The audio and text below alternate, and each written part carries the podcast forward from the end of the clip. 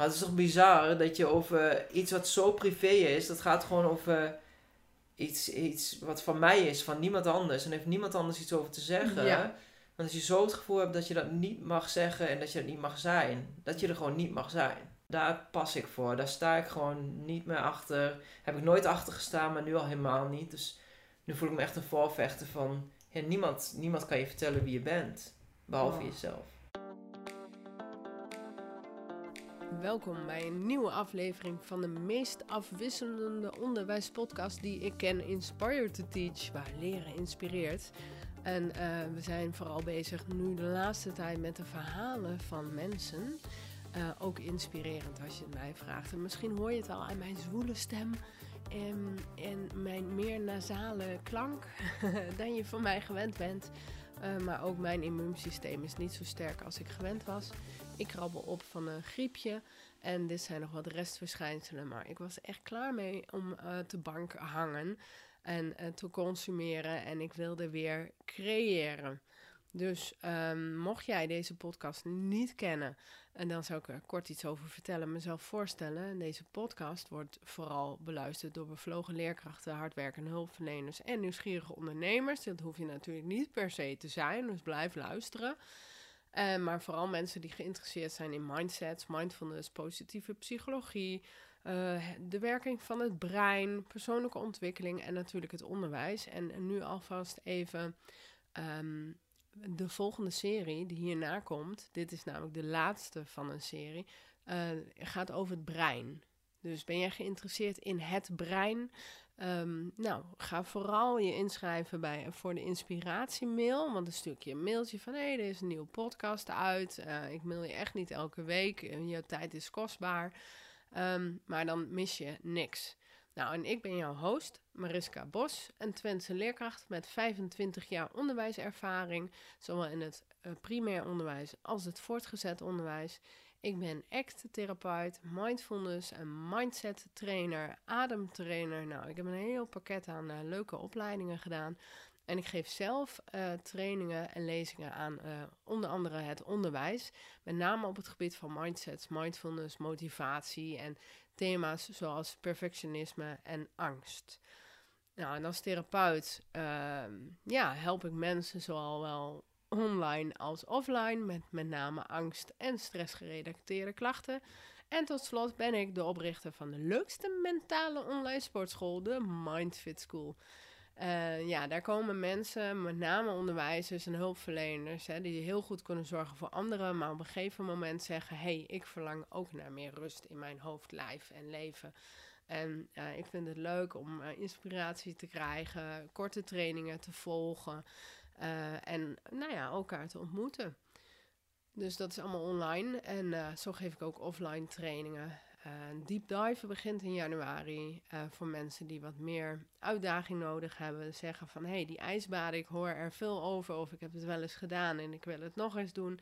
Diep ademwerk, die ook met hun schaduwkanten aan de slag willen. Dus mensen die echt wel ervaring hebben met mindfulness of uh, hè, wel eens in therapie hebben gezeten of in elk geval al een jaartje yoga doen of zo, maar weten dat ze niet hun gedachten zijn, maar je hebt gedachten.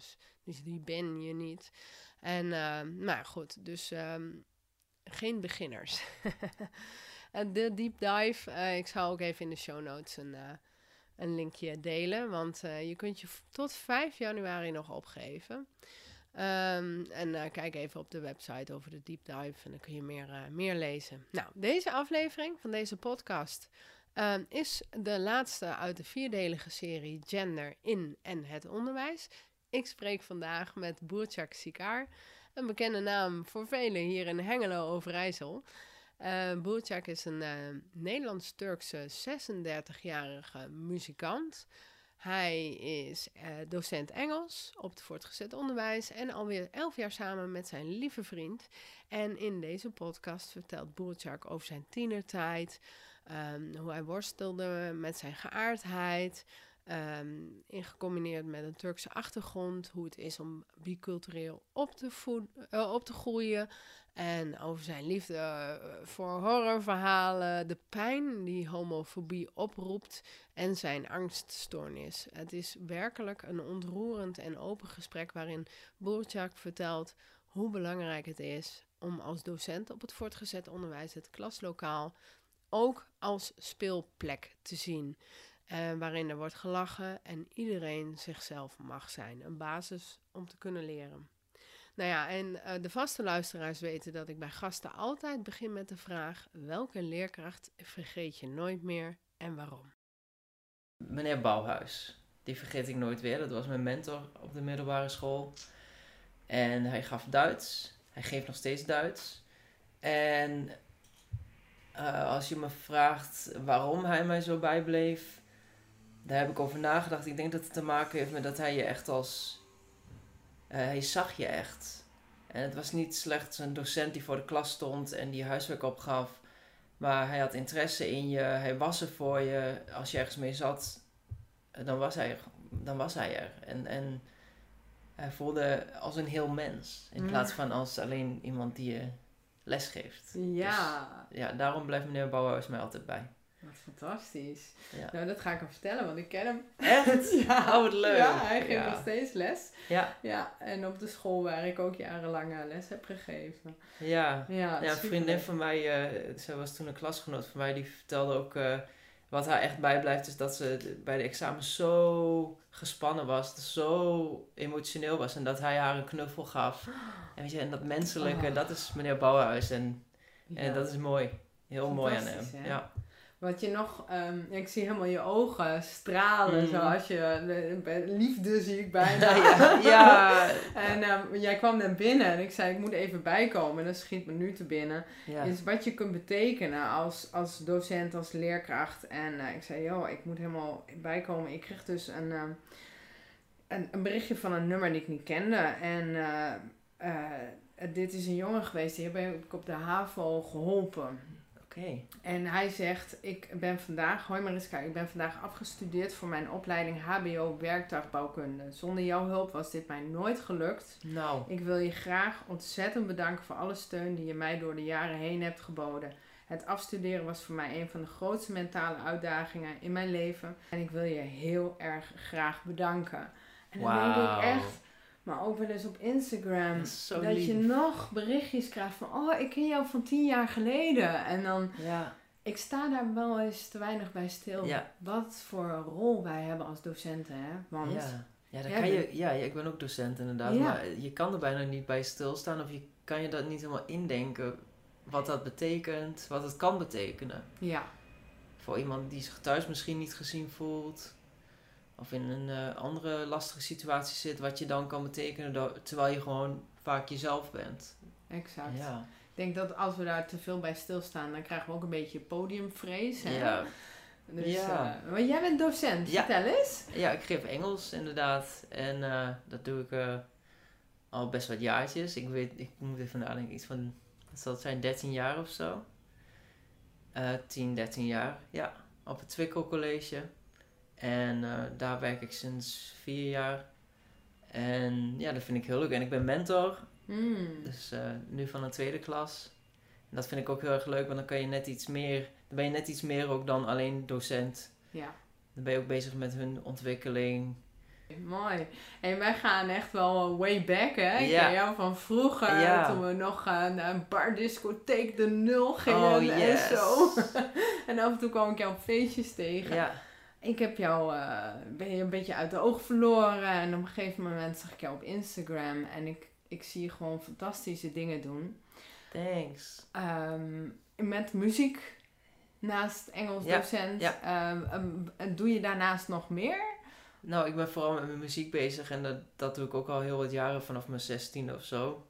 En dat is echt een, eh, een key factor in mijn leven. En eh, daarnaast het lesgeven en ik, ik sport veel. Ja. En, en dat is een beetje... En ik ben een eh, grote horrorfilm nerd. Weet je wel, dus ik hou heel erg van jaren 80 films en jaren 70, 90. En de classics. Dus ik heb thuis een hele muur vol met eh filmposters. Bloedspatters. Nou, bijvoorbeeld, nou, ja, eh, posters van Halloween, The Shining, eh, Gremlins. Oh ja? Ja. Wat, wat trekt jou aan horrorfilms? Wat is dat? Want ik moet daar dus zelf niet aan denken. Ja, snap ik. En dat is voor mij ook steeds minder interessant geworden, want het leven is al eng genoeg soms. Weet je, de wereld is al eng genoeg. Dus, Mooi. maar als, Mooi eh, ja, als tiener vond ik het interessant om, om, ja, om dat je, je gaat eigenlijk in een soort situatie waar je zelf nooit in terecht zou willen komen. En je, jij komt daar gewoon weer heel huids uit. Maar je kan even in die spanning zitten. En nou ja, ik zag toen ik eh 15 was, voor 14 of zo, zag ik voor het eerst Halloween. En eh, toen heb ik heel slecht geslapen. En die impact heeft toch ook iets, dat trekt te, blijkbaar. En in de jaren 80, 90, ik vind daar een interessante de practical effects en zo. En nu is alles met CGI en hoe goed je computer skills ook zijn als eh, filmmaker.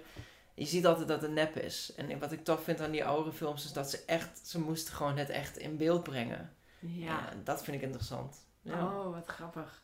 Ja, er schijnt ook eh, mensen die van horror houden.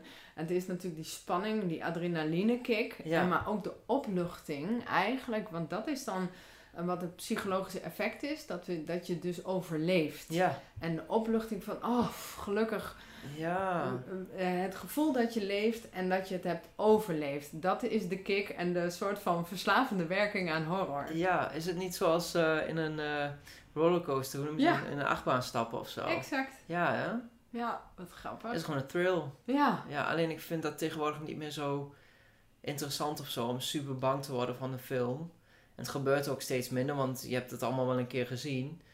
Eh, ja, dus wat dat betreft, maar goed, de classics blijven goed en die blijf ik graag kijken. Maar die hebben ook andere elementen, behalve horror zit er ook een psychologisch element vaak in.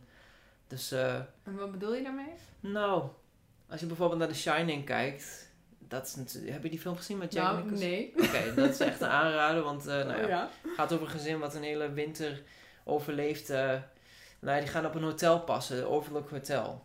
Oh. En, en daar is helemaal niemand verder. En die, die de hoofd van het, nou ja, noem je dat, hij, de, de man van het gezin, wat Vader. vader, ja, ja, in ieder geval, hij is zeg maar zo de main character, de Ah. hoofdrol. En ehm, eh, niet dat de man belangrijker is dan de vrouw, maar dat is zo wat het in ieder geval in die film een beetje, het gaat om hem. En hij schrijft een boek en hij gaat in die winter dan bezig met het boek, maar hij raakt een beetje steeds, steeds hij wordt steeds iets geschifter of zo, steeds gekker. Ah. Hij raakt gefrustreerd omdat het niet lukt. En zij zitten opgesloten, want het sneeuwt helemaal dicht, dat hotel. En dan heeft dat gezin dus te maken, eh, dat gaat om een, een vader, moeder en kind. En dat heeft dan te maken met eh, een vader die steeds geschifter wordt en steeds Ja. raarder gaat doen en steeds enger wordt. En dan moet moeder samen met kind overleven. Eh, dus ja, dat is niet alleen maar eh, man met mes loopt achter Nee. een babysitter aan of zo, Ja, weet je ja, wel. precies. Ja, En dan niet naar buiten gaan, niet naar buiten ja gaan. precies. Ja, Oké, leuk. ja. hey, ehm, voordat we verder ratelen, want dat kunnen wij. Ja. Kun jij jezelf nog eens voorstellen? Wie heb ik hier tegenover mij zitten? Nou, ik ben Boetjak, ik ben eh, 36 jaar, ik kom uit Hengelo, ben docent Engels op het Twickel College Ehm, en daarnaast maak ik muziek en ik sport veel en ik eh, kijk veel films. Best Ja. wel een eh, nerd wat dat betreft, Ja. als je dat zo moet noemen. Eh, dat ben ik. En heb je een relatie? Ja. Zeker, ik heb Ja? een relatie met Colin, nu volgende maand 11 jaar alweer. Ja, Dat is lang. ja zeker. Ja. Dus, ja, en we wonen niet samen, maar we wonen soort van, soort van samen apart, zeg maar. We zijn Ja, om de dag bij elkaar. Oh, weet je ja. wel, zo. Ja, Dus de je- ene dag bij hem, de ene dag bij mij. Ja, Je hebt je eigen mancave. ja precies. nou, da, ja, dat is het wel, inderdaad. Met mijn filmposters en een beetje zo'n nerd house. En van hem is heel erg mooi stylish en Oh ja. spiritueel en zen. Weet je wel, met mooie tekeningen die hij maakt. En, ja. Wat een interessant stel zijn jullie, zeg. Nou, thanks. hey, en eh, je, hebt, eh, je hebt een Turkse achtergrond. Ja. En je woont met een man samen, of nee, je, je, je leeft met een man. Ja. En ja, even heel erg direct, meteen maar. Ik ben wel benieuwd, je hoort daar allerlei verhalen over. Maar in hoeverre is dat voor jou in jouw leven waar? Dat, ja, wat doet dat? eh? Wat dat doet, dat is een goede vraag. Want ik ken geen andere situatie dan die van mezelf. Nee, Dus het- precies. weet je, bicultureel opgroeien is sowieso een stuk lastiger dan ik ooit had gedacht. Zeker als ik er nu op terugkijk. Omdat je in twee culturen opgroeit. En thuis krijg je iets heel anders mee. De Turkse cultuur zou ik omschrijven als een cultuur waarbij je als gezin en ook eh, de familie daarbuiten best wel op elkaar kan rekenen. Je, kunt echt op elkaar bouwen. Dat is heel Mhm. mooi. Ja. En de Hollandse cultuur zou ik omschrijven als best wel individualistisch. Mhm. En eh, je kan je voorstellen dat je dan op school iets heel anders ziet dan thuis. En ja, die tweestrijd, eh dat was nog best wel lastig. Ja. Ja. En wat, zie je, wat vond je daarin lastig? Nou, als het om mijn geaardheid gaat, vond ik het eh, lastig dat, eh, dat ik er thuis sowieso niet over kon praten. En op school wel, met mijn vrienden. Dus, en ik voelde me daar echt vrij in mezelf. En thuis niet altijd, of niet. Omdat ik daar niet over kon praten. En het gevoel dat ik zeg maar het gewicht van de hele familie op mijn schouders droeg. Ja. Zo van, ik heb een verantwoordelijkheid naar iedereen toe. En als ik daar open over zou zijn, dan belast ik daar iedereen mee of zo. Of dan Ja. krijg ik iedereen's mening op mijn dak. En ja, ja. kijk, en ik heb ook geen eh, Hollandse opvoeding wat dat betreft gehad. Behalve, nou ja, op school natuurlijk. En ik, ik stel me dan zo voor dat in de Hollandse cultuur dat veel minder zou zijn. Dat je veel meer op je meer individualistisch eh, leeft. Dus iets meer voor jezelf. Ja, hoe zou ik dat zeggen? Ja, toch minder dat gevoel hebt van al die pionnetjes, al die. Ja, dat Ja. je de hele familie eh, misschien wel teleurstelt of Ja. dat zij iets ervan vinden. eh, ja, hoewel natuurlijk, eh, ik heb hiervoor een gesprek gehad met, hè, met een man van, die na zijn veertigste uit de kast kwam. Ja. En wat we, nou ja, hè, we hebben het dan over ja, die stomme kast. Stom dat er een kast überhaupt is, hè. Ja, En dat je daar dan zogenaamd uit moet stappen. En, eh, en dat hij dus ook in zijn hoofd dat heel maakte van, ja, misschien stel ik mensen teleur of gaan mensen niet, willen niet meer met mij omgaan. En dat viel wel mee. mhm. Want het was vooral zijn eigen spoken in zijn Ja. hoofd, hè? Kijk, En- dus ik weet niet in Ja. hoeverre dat met cultuur te maken ja, dat heeft. weet ik dus ook niet, nee. Maar wat ik wel weet is, ja, wat ik zeg, dat, eh, dat, dat eh, groepsgevoel veel Ja. sterker is. Exact. En dat dat ook wel wat doet met hoe je daarmee omgaat. Ja, En natuurlijk is het anders thuis. Je band met je ouders is zoveel sterker dan, eh, weet je wel, met vriendjes en vriendinnetjes op school. Dus daar zitten ook allemaal verschillen in. Maar ja, ik, ik, ik, ik groeide wel, zeg maar, in een soort tweestrijd op daardoor. ja. Ja. Ja, het is een loyaliteitsgevoel wat je naar je ouders hebt, hè? Ja. Je wilt gewoon goed doen naar je ouders toe. Ja, en, en ehm, op een gegeven moment, eh, kijk, ik durfde het niet aan mijn moeder en vader te vertellen, maar ik heb het aan mijn zus verteld. Want mijn cijfers waren heel slecht op school. En toen eh, vroeg mijn zus eh, nou, hoe dat kwam. Ja. En toen zei ik, nou, en toen had ze het over eh, mijn vriendinnen waar ik veel mee omging. Zei, zei ze van, je bent ook altijd met die meiden en je doet niks op school. En toen vloekte het eruit van, ja, misschien val ik wel niet op meisjes. En zij heeft het een paar jaar later, geloof ik, aan mijn moeder verteld. En mijn moeder heeft het aan mijn vader verteld. Hmm. Maar ik heb zelf nooit echt de, ja, de courage, het lef gehad om dat te zeggen. Terug naar het stukje slechte cijfers op school. Want het is wel een reden waarom ik deze podcast ook ben gestart.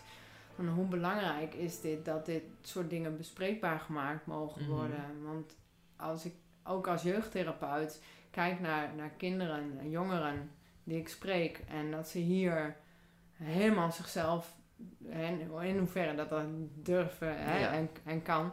Maar dat ze helemaal zichzelf eh, kunnen zijn en ehm, dingen bespreekbaar maken. En dan ook thuis zichzelf mogen of durven te zijn. En ook op school. Ja.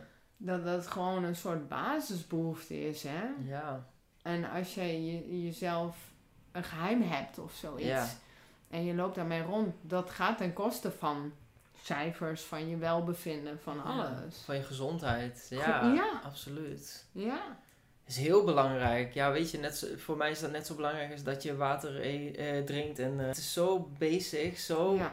zo'n basisbehoefte. Zo zie ik dat. eh, en ik denk dat, dat menig mensen bij me eens zou zijn. ja. Ja. De cijfers waren slecht. Ja. Je zus die dacht van, nou, je gaat er met die meiden om en daar komt het van. En toen heb je Ja. Iets gesuggereerd, maar je hebt het niet helemaal gezegd. ja, ik zei misschien val ik wel niet op meisjes. Ja, Dat heb ik ja, wel. Ja. Dus eh, heel voorzichtig. Ja. ja. Ja. En, en, maar je hebt wel je diploma gehaald. Je staat nu zelfs op school. Hoe, Ja. Wat is daartussen gebeurd eigenlijk? Mijn moeder is heel erg gedreven als het gaat om school. Ook. Zij is zelf, zij is rond haar 18e, 19 of zo naar Nederland gekomen. En ehm, ze had daar een opleiding gedaan voor docent. Ehm, en toen heeft ze hier een tijdje in het Turks les gegeven, want dat was toen nog. Maar dat op een gegeven moment is dat eh, geschrapt. En toen moest ze, nou ja, toen moest ze een keuze maken. Toen heeft ze weer eh, de PABO gedaan, hier in Nederland. Ja, en die heeft ze gewoon binnen vier jaar afgerond. Super knap. En eh, nu geeft ze dus in het Nederlands les. En dat geeft wel aan wat voor gedreven vrouw dat is. En dat, die drive zette ze ook zeg maar achter mij. En ik was eigenlijk helemaal niet gedreven als het om school ging. Ik was bezig met mijn muziek. En ik Ja. wilde vluchten en feesten. Eh, maar dankzij mijn moeder. En later ook door mijn schoonmoeder. Want die heeft eh, heeft me een beetje gecoacht bij het afmaken van mijn opleiding. Bij, op, weet je wel, bij projecten en zo. Ik, ik kon het allemaal niet meer. Dus ik had echt iemand nodig. En eh, dankzij mijn moeder en dus later mijn schoonmoeder heb ik die opleiding af kunnen maken. Ja, Wauw. Ja. Hij is een sterke vrouw om je heen. ja hè? zeker. Ja, ja, wat een discipline. Echt. Dat je dan zeg maar, eh ze was ergens in de 40 geloof ik toen ze de Pabo ging doen. En dan binnen, weet je wel, ze heeft ook, ze spreekt hartstikke prima Nederlands, maar er is enigszins een taalachterstand als je Ja. later, op latere leeftijd naar Ne- Nederland komt. Altijd. Ja. En dan alsnog binnen vier jaar dat halen. Kijk, ik heb er echt veel langer over gedaan, laat ik je dat zeggen. Ah. veel langer. Ik ga geen getal noemen, maar veel langer. Ja. Ja, maar Ja. wel mooi, mooi wezen feesten en zo. ja, ik heb wel geleefd. Absoluut. Ja. Ja. Eh, Oké, en, en, en jouw vader, wat is zijn rol hier? eh, Binnen de studie, ja, binnen in jouw leven? Misschien je Ja. dat beter, breder ja, trekken. dat is eh, een goede vraag. Wat doet een vader? Ja, ja die zorgt dat er eten op tafel komt. Ja, als, de man die het vlees snijdt. De man die een fietsband plakt. ja. Ja, nou die, die eh, toont zijn liefde op een eh, andere manier. Minder eh, op emotioneel vlak misschien. En misschien heeft hij dat zelf ook minder gezien. Kan Eh, wel. ja, kan ik me Ja. voorstellen. Maar hij liet zijn liefde zeker blijken op, op de manier dat hij er altijd ook voor ons was. Ja. Ja. En ja, op jouw Instagram-account, ik zou Mhm. echt mensen uitnodigen om daarnaar te kijken. Dus het is heel boeiend eh, hoe jij. ehm, hoe jij jezelf daar neerzet als muzikant, maar ook als voorvechter van eh, laten we iedereen gewoon mag iedereen van iemand houden waarvan die kiest om van te houden. En misschien is het niet eens zelfs een keuze. Ehm, hè, de, die voetballer met zijn band. Ja. Eh, kun je daar iets over vertellen? Over de, het Ja. videootje wat je maakte? Ja, ik eh, wist gewoon niet zo goed hoe... Ik, ik, dat deed heel veel met mij. Ja, dat, kun je eh, even de, de ja. situatie schetsen? Waar hebben we het over? Nou, het gaat over een voetballer die, die is aanvoerder, volgens mij voor Feyenoord. Ik heb niet zoveel interesse in voetbal, maar ik ga, volgens mij is het Feyenoord. En die, werd, nou ja, die, die One Love actie gaat over eh, een band tegen discriminatie, eh, ongeacht afkomst eh, of geaardheid, noem het Ja. maar op. En ehm, nee, die One Love band, zoals die heet, die wilde hij niet dragen. En als reden gaf hij: Ik heb respect voor iedereen, maar vanwege mijn geloof wil ik dat niet omdoen of zo. Zoiets was het. Mm. Ja, weet je, de homofobie druipt er vanaf. Ja. En eh, dat doet gewoon heel erg veel met me. Ook omdat het vanuit, eh, nou, er wordt gewoon verscholen achter geloof. Ja. Hè, dat vind ik heel erg lastig. En je hoeft je dan niet te verantwoorden. Je hoeft niet zelf na te denken. Je zegt gewoon, nou, mijn geloof zegt dat dat niet mag. Nou ja, daar tegenover zou ik willen zetten. Er zijn genoeg mensen die moslim zijn die daar wel ruimte voor hebben in hun leven, in hun hart. En eh, dus zo makkelijk is dat niet om te zeggen van, van mijn geloof mag dat niet. Nee, het is hoe jij het geloof invult. Want er zijn mensen die dat op een manier invullen waarbij het wel kan. Ehm, En dat geldt voor al het geloof natuurlijk. Ja, voor alle Ja, geloven. ja. En eh, ehm, ja, dat vind ik dus heel erg lastig. En dat doet van alles met mij. Ja, ik raakte zo gefrustreerd daardoor. Ik word er zo verdrietig van. Want je wordt dan gewoon weggezet onder mom van... Nou, het stond in dit boek. dat jij er niet mag zijn. Of dat jullie er niet mogen zijn. En that's it. Maar weet je, ik neem ook in ogenschouw dat deze jongen 21 jaar is en nog hartstikke jong is en nog heel veel moet leren. En uit de community komt waarbij die groepsdruk heel erg sterk is. Net als Ja. die ik heb ervaren. Dus ik kan me voorstellen dat hij zich ook niet heel vrij voelt om te zeggen van nou ik sta er wel achter. Terwijl, kanttekening, dus een Turkse voetballer in Turkije die wel die band heeft gedragen. Dus het kan wel, maar je moet wel Ja. je rug recht houden en durven hè? En, Ja. en het aankunnen. Maar ik vind het eh, te makkelijk om te zeggen, nou vanuit mijn, geloof, vanuit mijn geloof mag dat niet, dus ik doe het niet. Dezezelfde voetballer die dat zegt, draagt een shirt met gokreclame. Dus het is heel selectief hoe religieus sommige mensen zijn. Als het om gokreclame komt, wat uit mensenleven schaadt en noem maar op. Nou, dat zien we door de vingers. Maar als het over homo's gaat, dan kan dat niet. Nou, sorry, dat heeft dan niet met geloof te maken, maar dat heeft te maken met homofobie en onwetendheid. Ja. En dat is een groot probleem. Maar dit, dit, dit gaat nog verder. Als je dan op social media kijkt, reageren heel veel mensen onder artikelen die daarover gaan van hartstikke goed, het is zijn mening en hartstikke goed dat hij dat doet, doe, eh, dat hij die band niet draagt, zou ik ook niet doen. Nou, daar gaat mijn bloed van koken. Want het is geen mening. Homofobie is geen mening en discriminatie is geen mening. Eh, het gaat om medemenselijkheid. Dat betekent niet dat hij uit de kast komt. Het gaat erom dat je naast de ander staat. Ja. En, en dat gebeurt op dit moment niet. En dat mensen zeggen, ja, het is zijn mening. Nee, dit is geen mening. Deze is ook nog eens gestoeld op religieuze overwegingen. En ben jij het ermee eens dat mensen vanuit religieuze overwegingen, ze- overweging zeggen dat vrouwen minder zijn dan een man? Of dat, eh, eh, eh, nou ja, homo's er niet mogen zijn. Maar dit is nog breder in de maatschappij. Mensen zijn minderheidsmoe. Ja. Weet je, als het gaat om het, om het gebeuren rondom Zwarte Piet. Mensen willen het niet horen. Mensen willen het niet horen omdat het ze niet raakt. Als het gaat om... En ook- ook niet begrijpen, hè? Wat, wat Ja. dat doet eigenlijk. Ja, want weet je, ik heb geen gebroken been. Dus als jij nu een gebroken been hebt, zeg ik, nou, daar heb je toch helemaal geen last van. Ja. Ik voel er niks van. Waar heb je Ja. het over? Dat. Dat Ja, is hoe- een mooi voorbeeld. Ja, hoe kan je van iemand nou zeggen dat Zwarte Piet eh, geen racisme is en dat het, eh, dat, dat eh, leuk is en dat het je geen pijn hoort te doen? Nee. Weet je, dat kan je niet weten. Dus het gaat om inlevingsvermogen, het gaat om medemenselijkheid. En helaas zitten we in een best wel in een, op dit moment in een maatschappij waarbij dat heel erg lastig ligt. Ja. Dus het maakt niet uit waar het over gaat. Als het om minderheden gaat, wordt er gewoon heel makkelijk gezegd van... Oh, wat een gezeik, al die regenboogvlaggen en noem het maar op. ja, stel je niet zo aan. Terwijl ze maken daarmee alleen maar duidelijk hoe, hoe erg nodig het is. En op het moment dat het niet meer nodig is, ik zou willen dat we geen eh regenboogvlag of coming out dag nodig hadden. Dat, Dat, willen we allemaal. Ja. En je, ja, ja, ik vind dus ook inderdaad van, dan heb ik het erover van die stomme kast. En hoezo is er een kast dan? Wie heeft die kast bedacht? Maar die kast is er dus blijkbaar wel. ja, En, en die coming out day ook. Ik vind het echt ontroerend hoe, hoe mensen eh, daar zich gesteund voelen om te laten zien wie ze echt zijn. En ja. hè, jij zegt al met je cijfers, eh, als we nog even terugzoomen naar hoe dat voor jou is geweest, dat jij dus niet jezelf durfde te zijn. Hoe, Ja. Want je hebt het over gezondheid, maar wat heeft dat dan verder voor effect op jou gehad? Ja, poeh. Weet je, ik denk dat dat heel lang opbouwt en dat je heel veel op de achtergrond, achtergrond Ah, kan ja. zetten. Ja. En dan ga je feesten. En whatever, ik ga gewoon los. Ja, ik druk het allemaal weg. Op een gegeven moment toen ik dat... Nou ja, maakte ik Divas on the Dance Floor, waar we het net over hadden. Het moment dat ik dacht...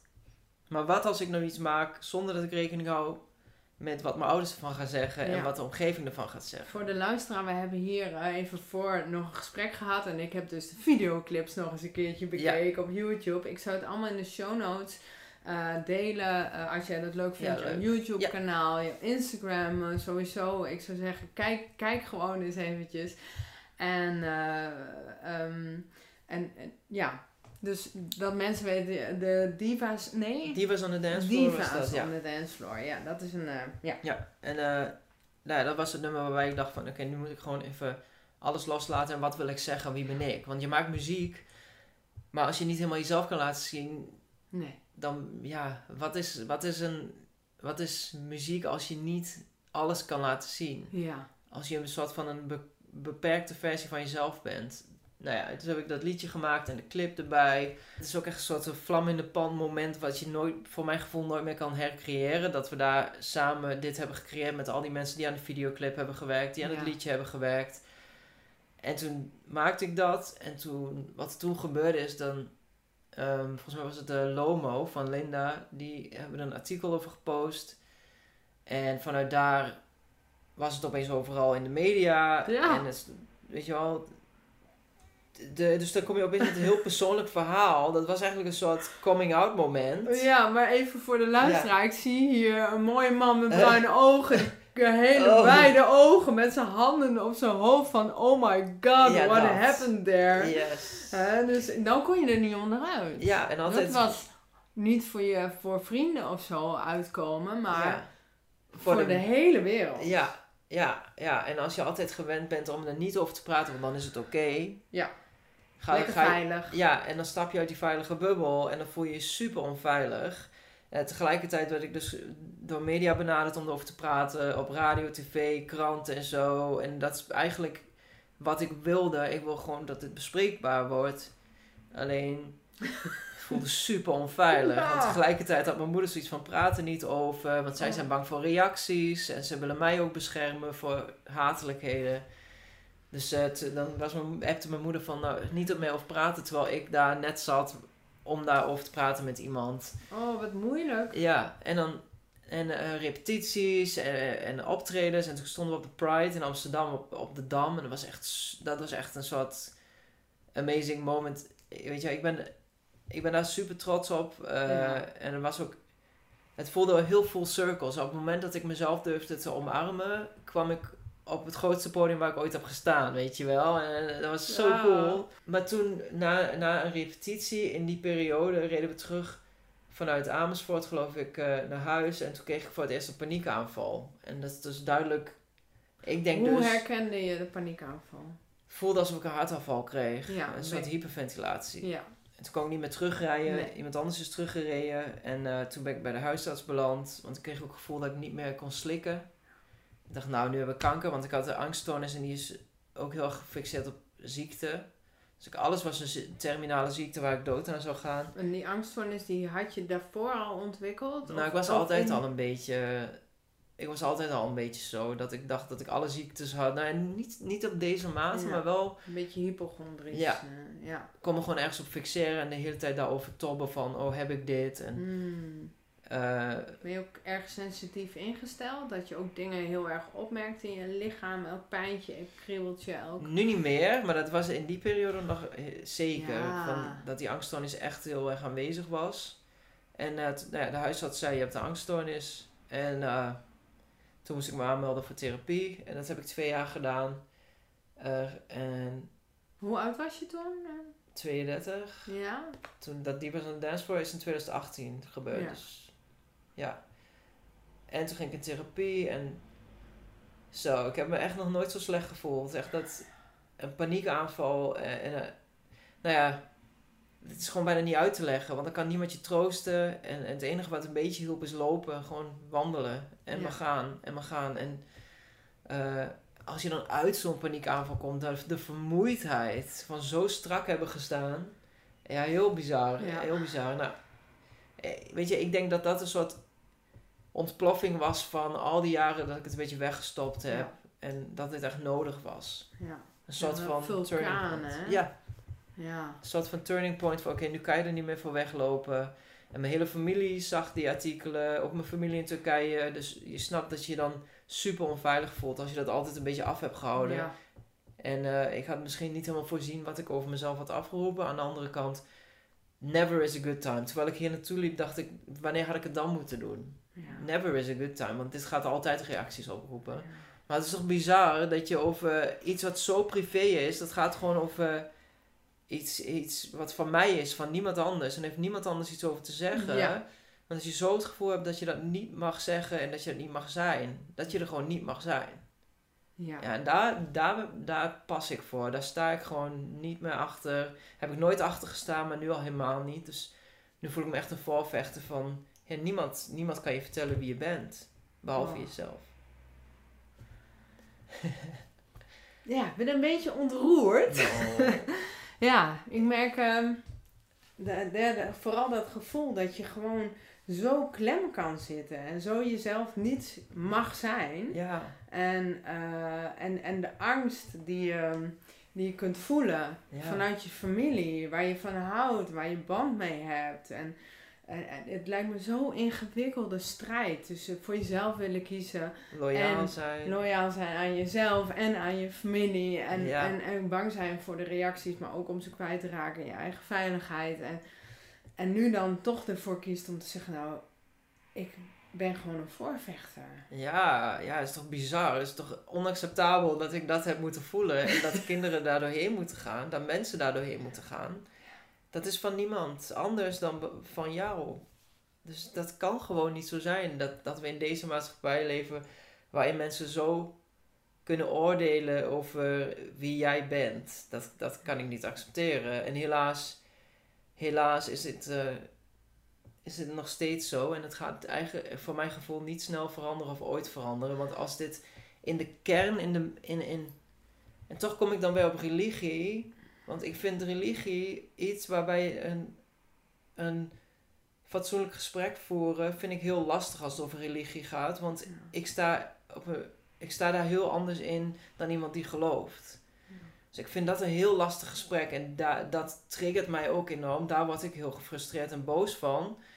Ehm, en ik heb het over elk geloof. Eh, ik heb ook eh, eh, een vriend die christelijk is. En nou, die, die zegt dan, eh, ja, ik eh, accepteer dat allemaal. Ik heb ook nooit gevoeld dat ik me eh, gediscrimineerd voelde of anders behandeld voelde door hem. Maar hij zegt wel van, voor de kerk kunnen alleen man en vrouw trouwen. Nou, weet je, daar kan ik gewoon niet meer leven. Dat kan ik niet accepteren. Want ik snap dat niet. Dat je vanuit, omdat dat in dat boek staat, in de Bijbel, zeg jij dit. Maar wij zijn mensen tegenover elkaar. Hoe kan jij nou denken dat man en vrouw meer waard is dan man en man of en vrouw en vrouw? Dus als het op dat soort dingen aankomt, dan, dan denk ik dus, we komen niet verder zolang mensen op die manier denken. Hmm, ja, ja. Ja, en ik probeer dat als ik met mensen eh, spreek, het vanuit wat, wat is nou eigenlijk de basis van het geloof. En als ik dat ga afpellen met mensen, komen we eigenlijk, niet in alle gevallen hoor, maar in veel gevallen uit op liefde. Ja, En dat het gewoonweg liefde is. En mag liefde er zijn. ja, En, en, eh, en of, of het is onnatuurlijk, wordt er wel eens gezegd. Maar er zijn ook in het dierenrijk, Mhm. zijn er ook eh eh, homostellen. mhm. Hè, daar zie je het ook gewoon weg terug. ja. Alleen mijn ervaring is dat religieuze mensen altijd weer een manier vinden om dat te verdraaien naar Ja. iets, zodat Ja. het voor hun weer klopt. Ja. En ik vind het gewoon heel moeilijk, want ik denk gewoon met mijn hart. En ik denk gewoon, oké, wat voel jij? Wanneer voel jij je happy? Daar moet het om gaan. En ik kan niet zo goed met regels vanuit de Bijbel Nee. of wat dan ook, kan ik niet zo goed dealen. Zeker als het mensen lijkt buiten te sluiten. Maar goed, het Nee, is maar hoe je het is invult. Vooral, hè? Kijk, je Ja. hoeft het ook, ik heb zelf het idee, kijk, je hoeft niet alles te begrijpen. Ja. Je begrijpt ook niet alles. Hè? Uh, Mhm. Zeker uh, hè, wat dat punt waar jij nu over hebt, de religie en uh, mensen uitsluiten. En, uh, maar hoe kunnen we elkaar gewoon weg. Mag, mag ieder gewoon zijn eigen ding daarin Mhm. doen, zonder dat je een ander schaadt. Ja. Hè? En ehm, nee, dat is vooral het allerbelangrijkste. Ik denk dat dat het meest dichtbij komt, want oordelen blijven we doen. En ik vind juist, eh, ik ben ook mindfulness trainer. Ja. En de mooie basis van mindfulness is weten hè, waar je met je aandacht bent. Ja. Hè, weet je wat je denkt, wat je doet, wat je voelt. En gewoon weg opmerken, hé, hey, dit is een ervaring. Ja. En daar eh, zonder te oordelen wordt dan gezegd. Ja. Nou, is dat mission impossible? Dus ik zeg het liefst, oké, merk op dat je oordeelt en kijk er dan met een vriendelijke ehm, oogpunt naar. Mhm. En dat hoort er gewoon bij, dat we oordelen van, oh, dat is raar wat jij doet. En oh, oh, dat is een oordeel. En dan, dan kun je nog bevragen, is het echt raar of vind ik dat raar? Ja. Want we hebben ook heel vaak meningen en dat gaan we dan als een feit Ja. Ja. eh, ja, en, en, en ja, ik denk wel hierin dat jij voor jezelf een heel mooi voorbeeld kunt zijn. En voor een hele grote gemeenschap. Ja. Ongeacht de geaardheid. Want ik vind het ook heel inspirerend. Oh, thanks. Ja, en dan moet ik wel zeggen dat ik niet een, een puur 100% hetero vrouw ben. Hè, want ik kan gewoon verliefd worden op mensen. Ja. Heel makkelijk. Ja. Ik hou heel snel van mensen. Ja. En eh nou heb ik een fantastisch man getroffen, toevallig. Ja, ja, ja, ja. Die gewoon echt fantastisch blijft. En Ja. al die 15 jaar. Ook al lang. Maar, ja, ja, ja. En, eh, maar ja, het is eigenlijk... Kunnen we met wat iets meer liefde en we hoeven elkaar niet... Het hoeft niet allemaal te begrijpen, maar in, in, een ander in de waarde laten. Dat gun ik zo. Ja, precies. Maar Alle ja, kijk wat voor wereld we in leven. Ja. Dat WK in Qatar. Ja, Mensen in hun waarde laten, daar is homoseksualiteit strafbaar. ja. Kijk hoeveel mensen dus dood zijn gegaan om dat stadion te maken. Het, is- het is niet te geloven, hè? Maar weet je dat dat... Ik had het met mijn vader een tijd geleden over. Die is in Deventer opgegroeid. En ehm hadden we het er ook zo over. En hij zegt van... Ja, maar toen in die tijd was homoseksualiteit dat is ook verboden in Nederland, hè? Mhm. Ik denk echt serieus? Is dat maar zo kort geleden? Wat? Ja. Er zijn Welk meer... jaar hebben we het over? Eh, nou ja, toen was hij... Volgens mij was hij twintiger. Dus dat is eh, 1969. We kunnen het opzoeken natuurlijk. Het is wel interessant. ja. Maar zo zijn er meer dingen hoor. Dat, dat eh, vrouwen zelf, eh, zelfbeschikking Ja. hebben. Hè? Dat is ook nog, nog niet zo heel lang geleden. Dat heeft mijn moeder meegemaakt. Dat die wet kwam. Dat wij ja, geestelijk gezond genoeg zijn om onze eigen...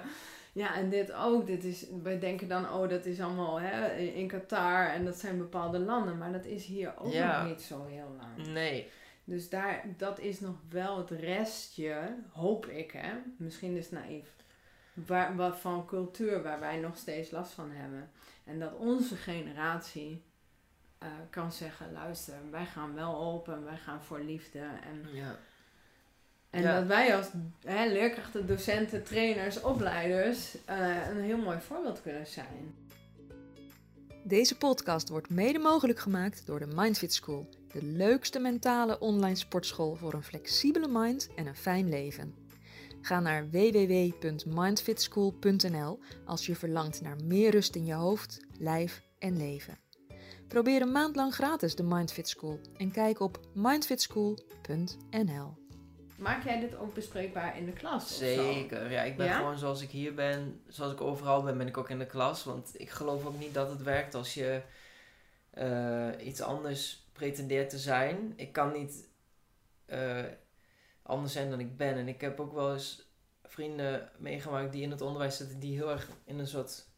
Die hadden een bepaalde verwachting van zichzelf. Zo moet ik me kleden, zo moet ik eruit zien, zo moet ik mij gedragen, want ik ben docent. Ja. Ja, dat gaat voor mij niet werken. Dus, dus of je geeft me de ruimte om mij te zijn, of het gaat niet werken, weet je wel. Dus eh, zeker is dat bespreekbaar en dat, dat is ook heel normaal eh, als we dat bespreken. Ik maak er ook grapjes over en we praten er serieus over. Bijvoorbeeld met die One Love actie. Ik heb die band zelf ook en die heb ik gedragen op school bijvoorbeeld om even te laten zien van hé, hey, ik draag hem wel en ik... oh, eh, wauw. ja. Wat gaaf. Een mooie actie. nou, bijvoorbeeld, en we hebben ook een, eh, een, een groep, dat is nieuw, een eh, soort LHBTI-groep, waarbij eh, naast de GSA, want de GSA is een groep binnen de school die best wel activistisch is. Wat die, in, waar staat GSA voor? eh, dat stond ooit voor de Gay Straight Alliance, maar nu staat het voor Gender nog wat Alliance. I don't know. Maar de, de naam is veranderd, maar zoals ik de GSA zie en wat ik ervan meekrijg, is het een groep binnen de school die, ze activistisch, die zich activistisch opstelt. En als het gaat om coming out dag en dat soort dingen, organiseren zij daaromheen Mm. iets. Eh, nou, regenboogvlaggen en eh, eh, paarse nagellak, dat soort Oh, ja, dingen. leuk. Ja, nou die groep is er en ik ben, ik ben niet per se onderdeel van die groep op school, maar ik heb een apart groepje, een soort LHBTI groep. Want tussen in de kast zitten en bij de GSA durven aansluiten zit nog een hele weg. Van ik durf niet met iedereen over te praten. Ik ga, dan, ik ga niet met die, die vlag door de school lopen. Maar ik zoek wel gelijkgestemde mensen, mensen die hetzelfde voelen. Dus, eh, en het was een idee van een eh, ex-collega van mij, Monique van Dissel. Die werkte op het Montessori College. En zij eh, kwam met het idee, het idee. Zij is dat begonnen op haar school. En nou ja, toen dacht ik van, nou, op Twickel hebben we nog niet zoiets. En het is wel een heel tof idee. En vorige maand hebben we onze eerste meeting gehad. En er waren gelijk negen leerlingen. Dus we nu hebben ook een appgroep en eh, binnenkort gaan we weer bij elkaar zitten. En Oh, leuk. Waar Ja, heb je het dan over? Wat, eh, wat is het doel van deze groep? Behalve dus dat je dan hè, naar, naar, naar de andere groep eh, met regenboogvlaggen door de school lopen. Wat, Ja. wat- nee, wat is de, de- het doel is een soort safe space waarbij je jezelf kan zijn, waarbij je elkaar kan ontmoeten Hmm. en niks moet. En op een, op een veilige manier. Dus dat betekent dat we niet overal neerzetten waar en wanneer het is. Niet iedereen hoeft dat te weten. Dus het is Er echt zit een, een veilige zwijgplicht ook. Eh, Ja. je, je hebt het niet buiten de groep over elkaar, maar je hebt het met elkaar erover. Ja. Ja, om elkaar te ontmoeten. Een soort even een sociaal momentje. Maar, en dan, nou, de, we hebben de eerste meeting gehad en dan delen we verhalen met elkaar. Hoe gaat het bij jou? En hoe ervaar jij het op school, maar ook thuis? Ja, het is gewoon eventjes even delen. Hoe Even- zou dat voor jou zijn geweest dat er zo'n groep was vroeger? Ja, weet je, alleen het feit, al, als, als- zou ik niet bij die groep zitten, het feit dat die groep er is, zal mij al zoveel sterker eh, doen voelen. Eh, ik had dat niet. Ik had een Nee. mentor die gay is. En verder was er niet zoveel. Ik had de Spice Girls. Ja, ja, ja. Ja. Oh, ja. Ja, girl power, maar dat stond voor veel meer. Het stond echt voor jezelf kunnen zijn. En ik voelde me echt gesterkt. Mm. Door hun boodschap, door wie zij waren en zijn. Ehm, maar ja, mijn mentor. En de, de eerste, toen ik het hem vertelde, vond ik het ook super moeilijk om te benoemen. Om te zeggen, ik ben homo. Dus Ja. hoe het ging is ook weer die slechte cijfers. En hij wilde mij spreken hoe dat kwam. En eh, toen zei nou, eh, blijf na de les even zitten, dan hebben we het erover. En toen ben ik gewoon weggegaan, want ik wilde daar niet over praten. Toen kwam hij me ophalen bij de volgende les. ja, kom eens even mee. Nee, en toen heb ik gezegd, nou, ik ben, ik ben, ik ben ook zoals u. Zo kwam het eruit. Maar ik had geen GSA, wij hadden dat niet. Nogmaals, ja, en dan klinkt Spice Girls grappig, maar dat was wel echt een toevluchtsoord. Zo van, dat was girl power, was ook gay power, weet je. Dat, dat voelde je ook en dat zag je ook. En in hun boodschap. Dus ja, ik had me daar zo, ik had me daar zoveel sterker door kunnen voelen. Dus het is mooi dat het er is. Ook al zit je daar niet bij. En voor mensen die denken, ach, zo'n regenboogvlag of zo'n regenboogtrap, waar slaat het op? Is dat nodig? Ja, alleen al daarom. Ja. Gewoon van, hé, hey, die Hm. vlag. Het is ook gewoon het idee dat het kan, hè. Dus, eh, ja, dan in mijn tijd was Madonna natuurlijk eh, mijn guru. En dan hadden we het over seksueel vrij Ja, zijn. ja. Dat als vrouw gewoon kunt genieten van seks. Ja. En dat dat niet voor de man is of zo, hè. Maar, en dat je daarin je lichaam, daar mag je trots op zijn. En- Ik ben zelfs opgegroeid met het idee dat vrouwen dat niet echt hadden. Oh ja, ja. Zoals ik dacht dat. Precies. Ja, en op het moment dat je dat dan ziet door Madonna of wat jij doet op school of wat dan ook, Ja. dan, dan denk je van, oh ja, dus zo kan het ook. En dan- je wereld wordt gewoon wat breder. Ehm, een perspectief. En Mhm. eh, nou ja, een voorbeeld wat ik ook wel eens vaker noem, en misschien dat een luisteraar denkt, ja, dit heb ik je al eerder horen vertellen. maar Bas, die, eh, die houdt heel erg van kitesurfen. En toen zei hij, is kitesurfen niet wat voor jou? En dat leek me wel stoer en zo. En ik had zoiets, ja, maar dat kan ik toch helemaal niet? Daar ben ik niet sterk genoeg voor. Want ik zie dat alleen maar mannen doen. Ja. En toen zei hij, nee joh. En toen liet hij video's zien van die vrouwen, jonge dames van in de twintig, bikinietje aan, zo heel stoer kitesurfen. En in één keer ging het in mijn hoofd. En ik besefte me zo dat ik, als je het niet ziet en je denkt het bijvoorbeeld alleen mannen te doen. Nou, ik ben gewoon ook niet zo heel sterk, hè. Mhm. Dus dan denk ik, oh nee, ben ik, ben ik niet sterk genoeg, ben ik slap. Dat is dus niks voor mij. Maar, en dan zie je die meiden doen, zonder dat ze zulke hulkspierballen hebben. Dan denk ik, oh, dat is voor mij ook een mogelijkheid. En Ja. ik denk dat dat echt iets is wat we heel erg onderschatten. Dat voorbeeld voor kinderen, voor jongeren. Oh, Ja. zo kun je in het leven staan. Het hoeft niet allemaal voor jou te gelden, maar ja. Zeker, ja. En als, als het ook al, stel dat nu gaat het bij mij om eh, LHBTI plus leerlingen, maar stel dat een leerling dat niet is, alleen al in aanraking komen met iemand die dat wel is, kan hun eh, horizon doen verbreden. Precies. Want ik heb ook allemaal stoere jongens in mijn klas die, eh oh meneer, die regenboogvlaggen, moet dat nou? Eh, Weet je wel, ja. Weet je, en dan hebben we daar een gesprek over. En dan zeg ik van ja, als jij je hand in hand met je vriendin loopt, geen probleem. Maar stel dat jij een vriend hebt en je wil hand in hand lopen, dan is dat een probleem. En daarom hebben we die vlag. Bijvoorbeeld zulke gesprekken, dat doet nu ook al. Weet je wel, zij doen daar meer kennis door op en gaan met die kennis uit school de wereld in. En hopelijk, wanneer zij iemand treffen die, eh, zeg maar LHBTI plus is of noem maar op, dat ze daar met deze kennis en met hun eerdere ervaring anders mee omgaan. Exact. Ja. En niet dat helemaal, oh, wat zie ik nou dan? Dat, dat is raar. Ja, en dat in de wereld kunnen we niet veranderen. Nee. Dat Qatar, dat gaan wij niet veranderen. De- de- dus op kleine schaal kun je binnen een school en binnen je eigen leefomgeving zoveel betekenen door... En dat is haalbaar. Ja. Zo voelt het. Dus eigenlijk wat je ook zegt is misschien wel een oproep voor docenten en leerkrachten die zelf eh, homoseksueel zijn. Dat je dan zegt van gewoon luister, maak dat bespreekbaar. en heb het er gewoon over. En ja. Ehm, ja, ik denk zelfs dat heel veel kinderen het helemaal niet zo van, nou oké, nou, boeit mij dat dat je verliefd Ja. bent geworden op een jongen. Zo is het Ja, echt. ja, ze- toch?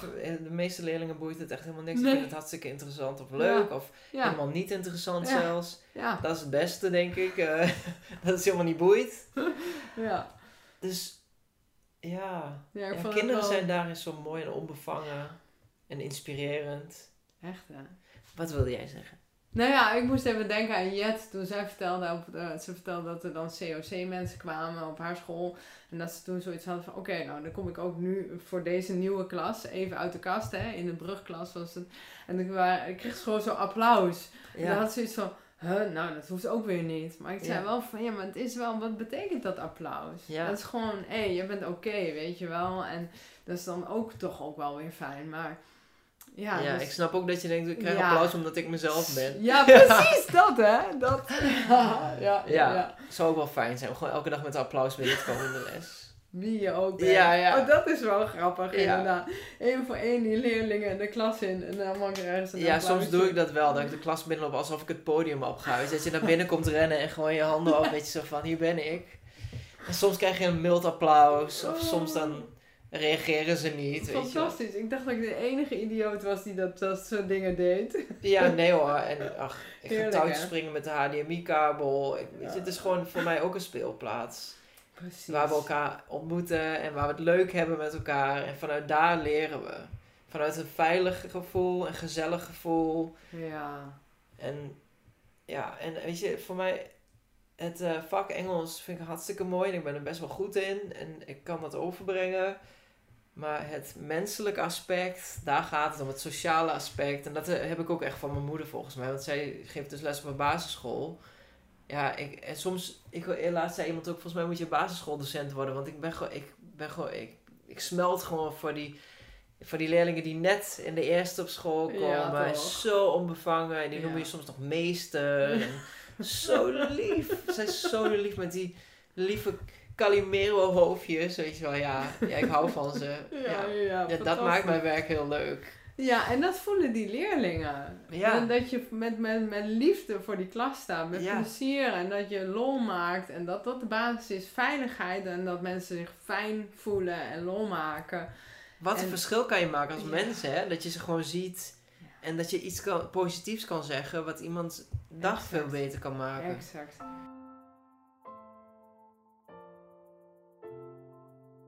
Ik ga met jou ehm, afronden. Ja. Is er nog iets wat ik had moeten vragen? Of... Ehm, nou, dat is een goede vraag. Je put me on the spot.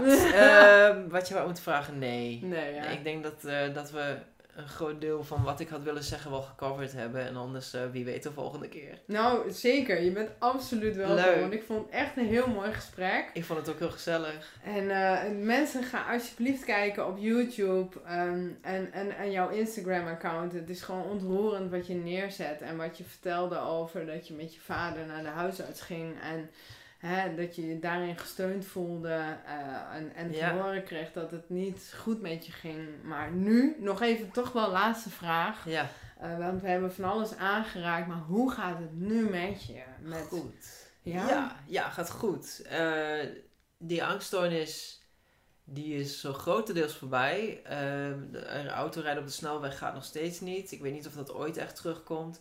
Ehm, en ik merk dat als ik vermoeid en me zwak voel, dan komen die angsten weer terug. Ja. Maar ik weet er nu wel iets beter mee te dealen.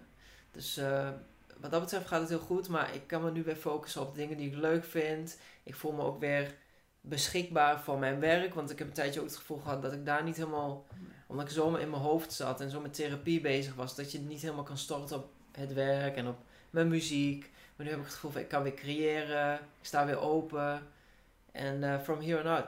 Het is gewoon een rijkdom eigenlijk dat ik dit mee heb gemaakt. Want met deze kennis en met, met al deze ervaring kan ik verder met mijn leven. En ik denk dat het je ook echt een betere docent maakt. Want het menselijke aspect waar je het over had.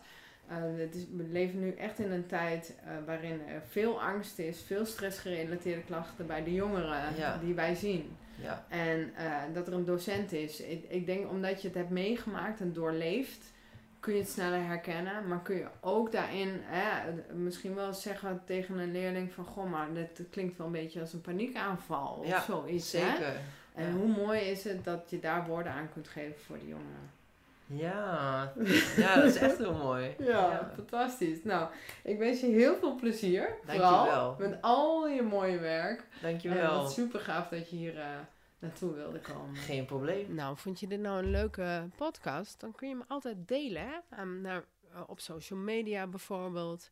En ik zou je willen vragen toch ook echt nog even de show notes weer te bekijken. Dus de omschrijving van deze podcast, daarin vind je linkjes naar mijn deep dive training, naar de Mindfit School, naar allerlei social media kanalen van Boelchak, van mij.